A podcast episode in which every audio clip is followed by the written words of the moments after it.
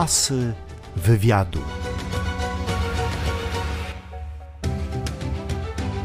Marcin Rumiński, multiinstrumentalista, kompozytor, aranżer, muzyk sesyjny, wokalista i założyciel zespołów Shannon w 1994 roku i Chobut w 2008.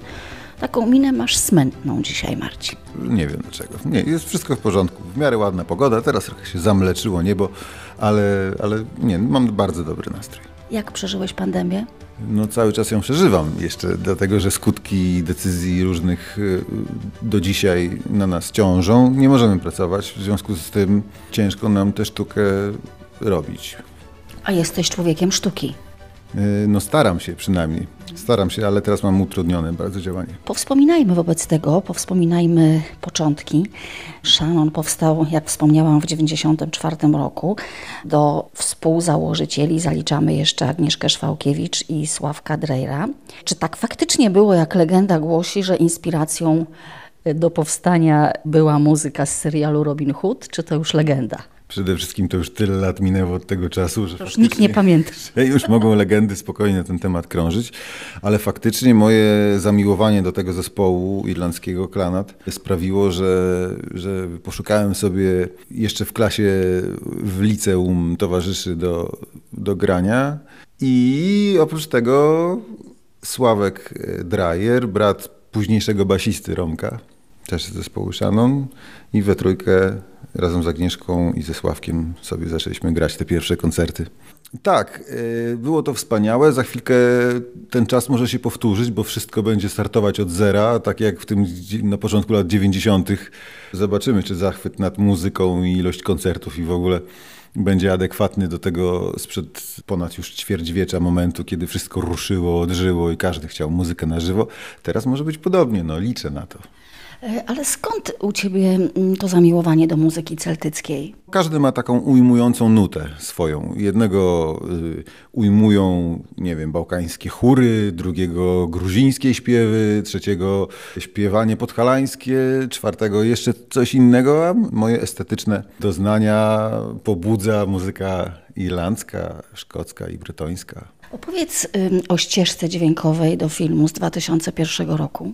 Ach, afera na zamku Bartenstein. No to była taka produkcja, która miała, miała odmienić losy nas wszystkich, mam na myśli twórców. Mieliśmy zrobić świetny film, bo obsada była genialna. W zasadzie grali w tym filmie wszyscy doskonali aktorzy młodego pokolenia, którzy teraz już są oczywiście seniorami i bardzo doświadczonymi ludźmi. No, zrobiliśmy muzykę. Jako, że grupa, która pracowała nad tym filmem, e, przychodziła na koncerty Shannona, no to postanowili nas wybrać do zrobienia muzyki do tego filmu. E, zrobiliśmy parę piosenek e, w języku polskim, takich komercyjnych, które do tej pory krążą. Hej, hej, tamta radej i, i afera na zamku Bartenstein.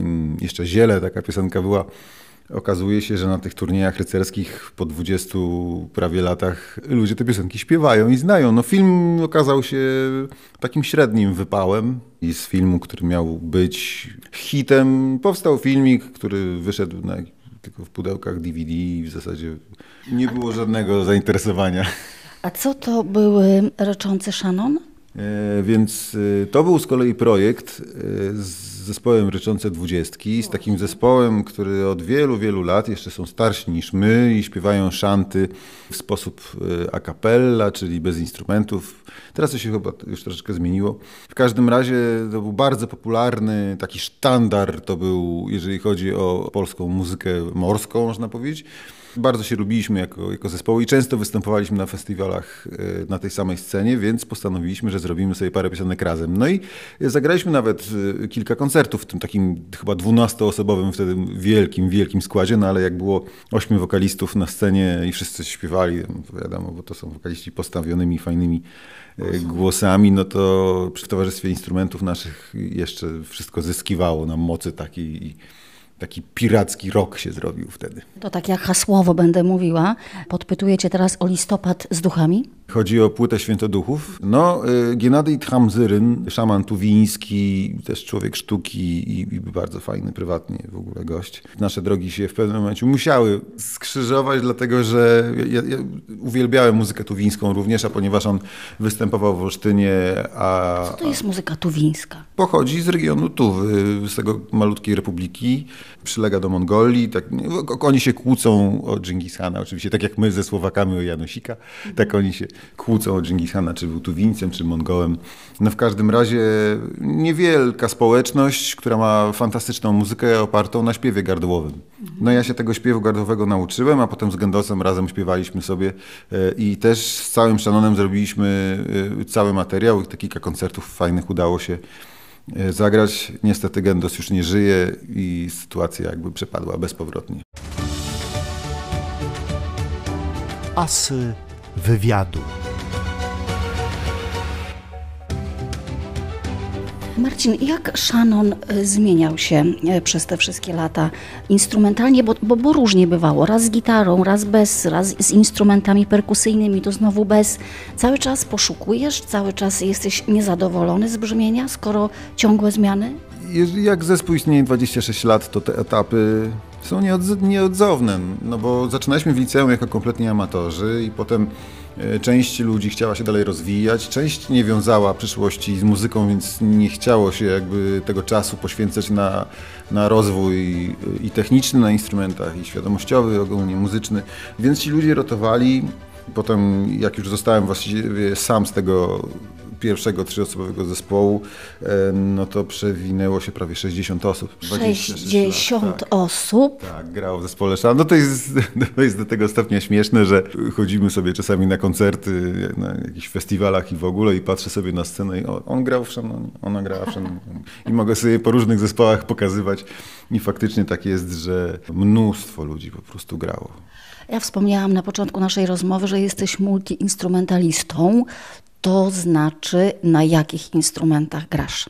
Na dętych, strunowych, strunowych szarpanych, strunowych smyczkowych, na perkusyjnych i na klawiszowych. Można się nauczyć grać na tylu instrumentach i być dobrym? No to jest kwestia tylko i wyłącznie czasu poświęconego na no to jest nauka dokładnie tak jak języków, tak jak, tak jak no nie wiem, malarstwa albo każdej rzeczy włącznie z mechaniką samochodową. A najważniejsze twoje muzyczne podróże? No trochę ich było. Bardzo fajnie wspominam pierwszą moją wyprawę e, jakby solo do Szkocji po instrument, gdzie to, gdzie to naprawdę to wymagało poświęcenia. Na szczęście byłem na tyle młody, że 48 godzin w jedną stronę w autobusie drogi jakby z Olsztyna do Glasgow, gdzie kupowałem mój instrument, e, dudy szkockie.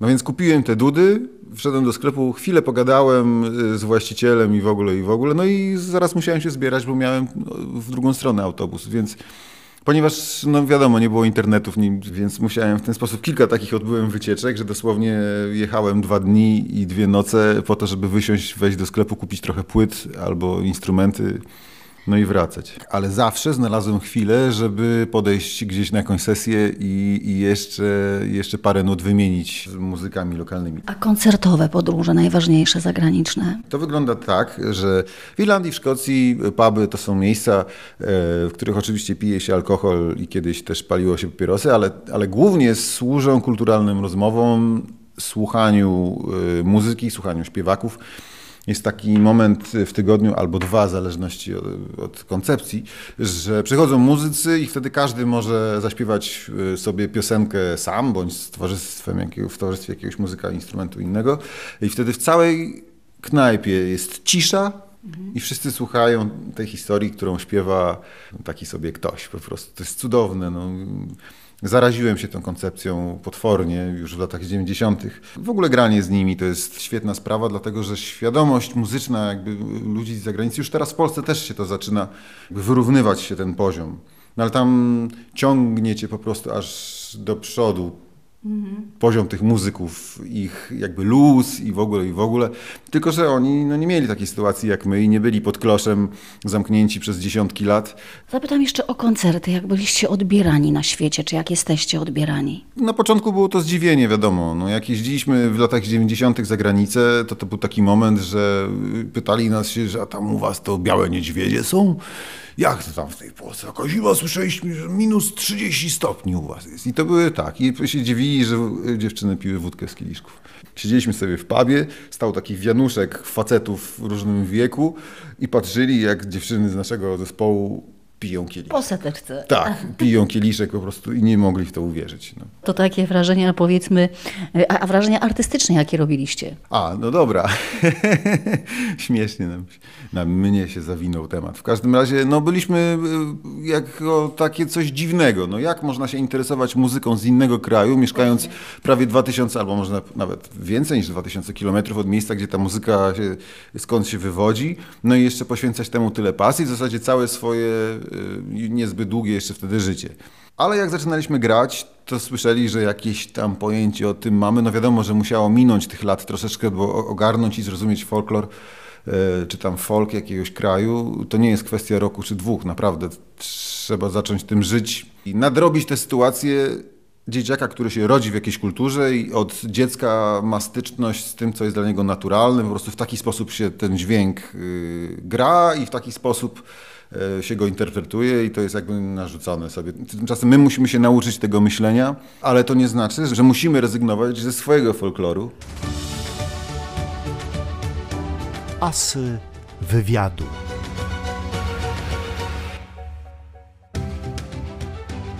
Czy naturalnym pokłosiem Twoich zainteresowań było zainteresowanie się gwarą warmińską i spotkanie z Edwardem Cyfusem i kolejny zespół, który założyłeś? Tak, to, to też jest taki milowy krok. W mojej karierze można powiedzieć tak i w myśleniu, że, że jak już wygrałem się przez te 12 lat chyba wtedy tej muzyki irlandzkiej, zjeździłem trochę świata, to zapragnąłem pojeździć po świecie pokazując warmińską. Znaczy, Hobout to nie był zespół folklorystyczny.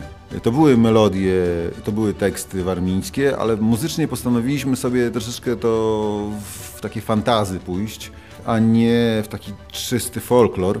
Oczywiście później ta cała sytuacja się jakby zmieniła. Na rynku muzycznym ludzie zaczęli mieć większą świadomość o muzyce ludowej polskiej. Pojawiło się szereg muzyków, którzy zaczęli sięgać do źródeł, jeździć do wszystkich wybitnych muzyków wiejskich i póki jeszcze żyją, wyjmować od nich ile się da po prostu informacji i tych nutek rejestrować wspólnie z nimi e, że teraz folk polski wygląda zupełnie inaczej niż chociażby 10 lat temu, kiedy były dwa, trzy zespoły, no może pięć w całej Polsce. Teraz tych grup jest od groma, wszystkie się zaczynają specjalizować w, w, konkretnych jakby dziedzinach tego folku i jeszcze na dodatek powstają już na studiach kierunki, które kształcą młodych folkowych muzyków, co we wszystkich krajach zachodnich istnieje już od dziesiątków lat. A czy Hobut obudził się z letargu troszkę?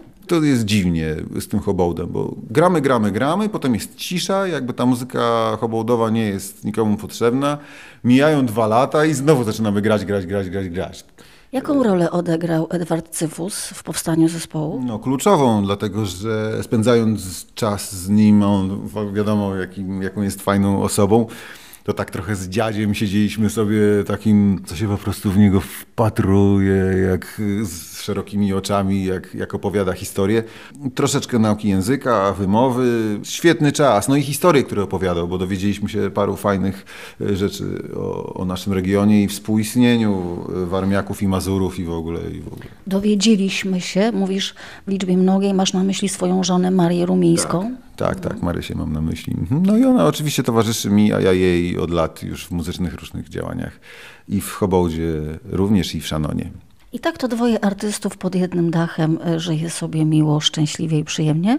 Tak, ale już y, trzecia y, postać się pojawia tutaj, bo jest... Dobrosia. Tak, jest Dobrosia, która, która już, mimo że ma 12 lat, to ma bogate już doświadczenia i na scenie i w ogóle występowała już w spektaklach, y, nagrywała dubbingi, zaczyna być instrumentalistką. E, ponieważ no, jest od groma tych instrumentów u nas w domu, więc ona sobie bierze co rusz coś innego i gra i śpiewa, więc fajnie. Czyli nieodrodna córka rodziców i nieodrodna wnuczka y, swojego dziadka Zbigniewa Namysłowskiego. Tak, y, i to jest też to jest cudny obrazek, jak przy pianinie we dwójkę sobie siedzą i dziadek gra, dobrze się śpiewa jakieś standardy jazzowe, bo oczywiście jazz też ją interesuje. i ma. Dwunastolatkę interesuje jazz? Tak, tak, tak. No jest zakochana w Ellie Fitzgerald, więc od groma piosenek umie, a dziadek przecież to jest jego muzyka też, więc we dwójkę sobie świetnie spędzają czas przy pianinie. Porozmawiajmy jeszcze, Marcin, o Twoim zainteresowaniu muzyką filmową i teatralną, bo to jest też ważny aspekt Twojego życia zawodowego. Skomponowałeś mnóstwo muzyki do spektakli teatralnych, nie tylko w Olsztynie. Współpracowałeś również z Olsztyńskim Teatrem Lalek. Ostatnie 10 lat poświęciłem na, na taką szeroko zakrojoną kompozytorkę, więc, więc siedziałem, produkowałem muzy mnóstwo, co też mi dało dużo, dużo nauki, dlatego że... Co to znaczy produkowałem mnóstwo muzy? Siadałem i produkowałem, po prostu sensie, siadałem do instrumentu. No, no produkcja, bo jeżeli się robi 100 utworów rocznie, no to już... Fabryka. No, już jest po prostu Na dwie zmiany. No, albo i na trzy. W zasadzie no, śniadanie, jakieś tam ćwiczenia i to jest taki moment, że człowiek się fryzuje. Zaczynam robić muzykę, mija 8 godzin i dopiero czuję, o kurde, pić mi się chce, siku mi się chce, jeść mi się chce, a, a przez ostatnie 8 godzin byłem tak pochłonięty jakby lepieniem tych dźwięków i ich tam ustawianiem i człowiek się odcina absolutnie. Mimo, że mieszkam w normalnym mieszkaniu, nasze studyjko jest zrobione na parterze, mamy sąsiadów piętro wyżej, mamy kościół z dzwonami, więc przerwa jest obowiązkowa co godzinę, bo biją. E, mamy ludzi przechodzących e, koło okna i mamy samochody, które, więc, więc to trzeba, trzeba sobie radzić. Asy wywiadu.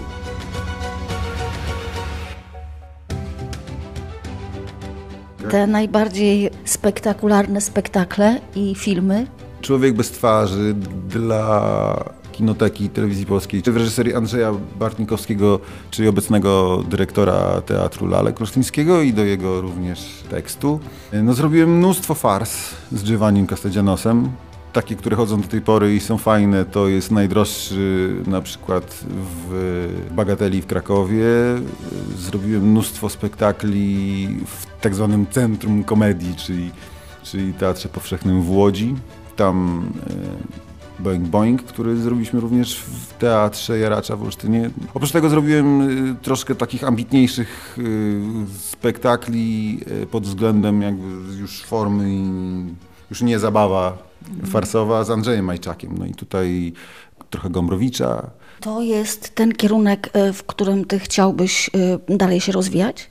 10 lat komponowania muzyki, tak jak mówię, no po prawie 100 utworów rocznie we wszystkich możliwych stylach, dlatego że każdy spektakl wymagał innej muzyki. Jeden reżyser chciał to, drugi to, trzeci zupełnie inny styl, więc ja musiałem być bardzo elastyczny, więc cały ten czas poświęciłem na słuchanie muzyki, słuchanie produkcji, żeby w jak najszybszym czasie można było odwzorować zapotrzebowanie, że tak powiem, reżysera na tę muzę i oddać mu dokładnie ten klimat, no bo czasami zadania były naprawdę złożone, no i nie można wykorzystywać oryginalnych traków, bo to się wiąże oczywiście z tantiemami, a, w większości przypadków z pisaniem do twórców albo właścicieli praw, czy można to w ogóle wykorzystać, więc prościej jest po prostu zrobić coś w podobie, E, zamiast marnować, trwonić czas na kontaktowanie się z ludźmi, wykorzystać oryginalne traki w spektaklach. No więc to było mnóstwo, ale też warsztat mi się bardzo i szybkość pracy przede wszystkim.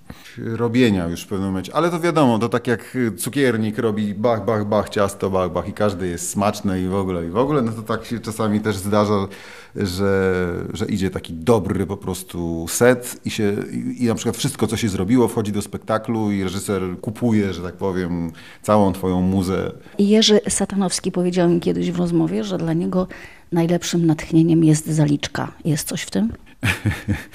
Zależy, czy jest się pewnie satanowskim, czy nie, a to już chodzi o zaliczkę wtedy. To już jest konkretna zaliczka. Shannon y, już zagrał y, w lipcu y, w Amfiteatrze Olsztyńskim. Też byliście, tak jak i inni artyści, tak bardzo wygłodniali sceny.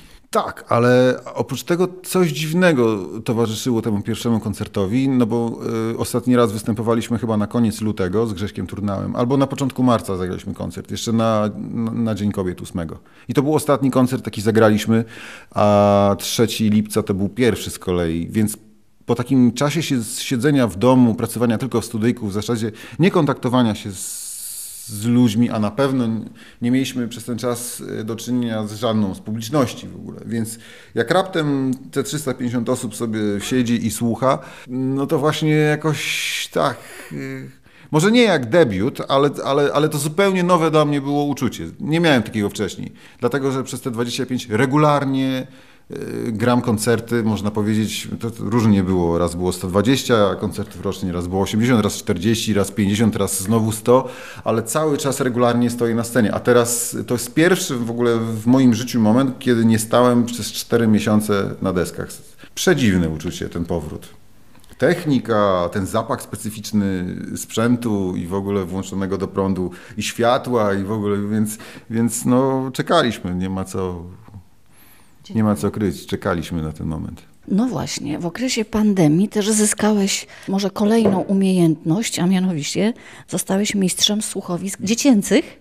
Dziecięcych, tak, na razie, na razie dziecięcych, ale w przeszłości zrobiłem ze trzy spektakle plenerowe, to z Alkiem Krępeciem i zrobiliśmy oblężenie Malborka w formie słuchowiska, które potem jest puszczane z głośników w towarzystwie odtwórców epokowych takich, którzy tam już nie muszą sobie mikrofonu przekazywać mówiąc kwestie, tylko z odległości obserwujemy sobie, jak tam niby dialogują, a wszystko leci z głośników. To się fajnie sprawdza. Zrobiliśmy bitwę pod Tannenbergiem w ten sposób i to były słuchowiska takie 40-parominutowe, prawie że godzinne. Ale teraz wziąłem się za, bajki warmińskie po prostu i zacząłem sam nagrywać lektora, wszystkich aktorów, po czym udźwiękawiać to, robić muzykę, no i takie formy 12-20 minutowe zacząłem sobie robić. Zrobiłem ich pięć na kanale Rumun Bajduży. A później musiałem przerwać pracę nad tymi moimi bajkami, dlatego że wspólnie z Teatrem Lalek zrobiliśmy dziewięć tak zwanych korona słuchowisk i tam już z, z aktorami z Teatru Lalek robiliśmy normalne słuchowiska aktorskie już takie. To mi zajęło trochę czasu, ale już wracam właśnie, mam kolejne o Jaśku pod płomyku. Wyrzucam dzisiaj albo jutro.